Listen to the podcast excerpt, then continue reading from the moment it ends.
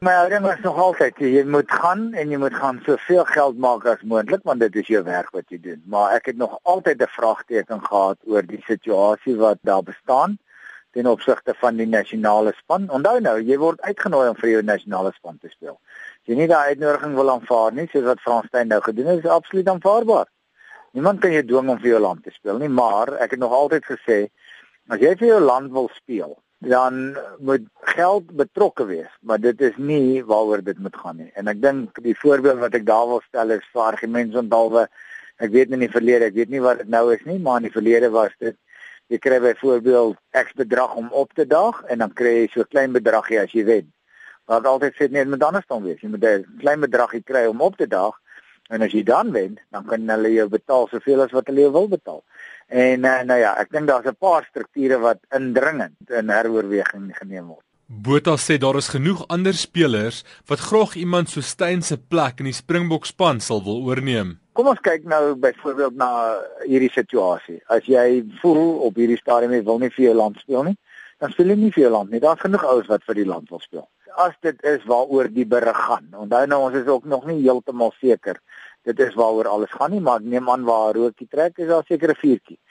So um, ek dink die houding sal baie duidelik wees. Die ou wat wil vir sy land speel, speel vir sy land. En as jy nie vir jou land wil speel nie, nou ja, dan gaan kies ons net iemand anders te. En dit is waar die belangrikste ding lê.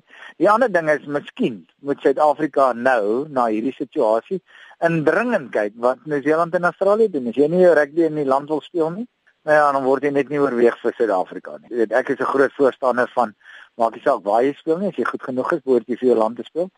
Maar as hierdie die tendens gaan wees vorentoe, dan sal SARU moet begin indringend ander besluite op die tafel sit. En nou ja, ek wil amper sê 'n situasie forceer. Hy sê as rugby jou werk is en jy speel professioneel, moet jy daarvoor vergoed word. Ek dink as jy kyk na wat in Europa gebeur, kom ons sê jy kry 60, 70, 80 000 euros, dan kan jy mos nou gaan uitwerk hoeveel dit is vir die hoeveelheid maande wat jy speel. Ons het al gehoor van ouens wat vir 4 maande 3, 4, 5, 6, 7 miljoen rand verdien. Dit maak nie regtig saak wat hy verdien nie. Dis nie die argument hierson nie. Die argument is jy's 'n rugby speler, is 'n professionele werk en jy word betaal daarvoor. Die vraag is Wat moet gebeur as jy vir die nasionale span gekies word? Moet dit oor die geldsituasie gaan of moet dit oor die situasie gaan jy verteenwoordig jou land? En dit is waar ek 'n groot voorstander is. Ek sê as jy jou land wil verteenwoordig, dis op 'n ander beginsels. Die daaglikse werk wat jy doen, of die bulle jou betaal of die stommers jou betaal of Japan jou betaal of Frankryk jou betaal, dit moet glad nie saak maak nie. Dit is jou normale werk. Maar as jy dan gekies word vir jou land en jy aanvaar om vir jou land te speel, dit is waaroor dit moet gaan. Dan behoort geld nie die belangrikste faktor te wees nie, want jy hoef nie vir jou land te speel nie. Volgens Botha is die onderliggende probleem dat SARU nie meer kan bekostig om al die land se spanne en hul spelers te onderhou nie. Rugby gaan lank nog gespeel word nadat ek nie lankal weg is. So moet nou nie dink rugby gaan omdat Frans Steyn sê hy wil nie vir die nasionale span speel ewe skielik gaan verdwyn nie. Die druk gaan verseker daarop wees dat ons kan nie 14 professionele spanne bekostig nie. Dis die eerste ding. Ons gaan moet begin kyk na privatisering vir al van sekere strukture. Dis die tweede ding. Dit is reg oor die wêreld gaan kyk, maar Amerikaanse sport almal.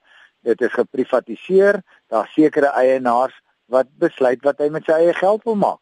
Nou ons begin nou baie naby aan hierdie fase begin beweeg waar die bulle miskien 'n eienaar moet hê, want hy kan dit bekostig.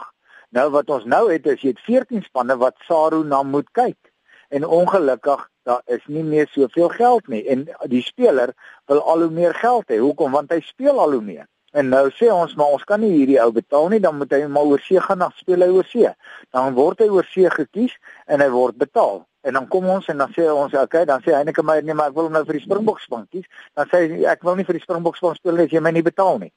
Dit is al hierdie goedes wat gelukkig nou tot 'n punt gedwing moes word. Hierdie goed moes al lankal bespreek gewees het en lankal besluite gemaak geword het daaroor. Hy voel 'n speler moet slegs geld maak uit rugby indien hy goed genoeg is. En die vraag is, moet ons nie begin ordentlik kyk dat die beste spelers die meeste geld maak nie? En as jy regtig nie veronderstel is en ek is nou amper lelik om te sê, jy nie veronderstel is om 'n professionele speler te wees nie, jy nie geld maak uit die spel uit nie totdat jy goed genoeg is om ordentlike geld te maak uit die spel uit.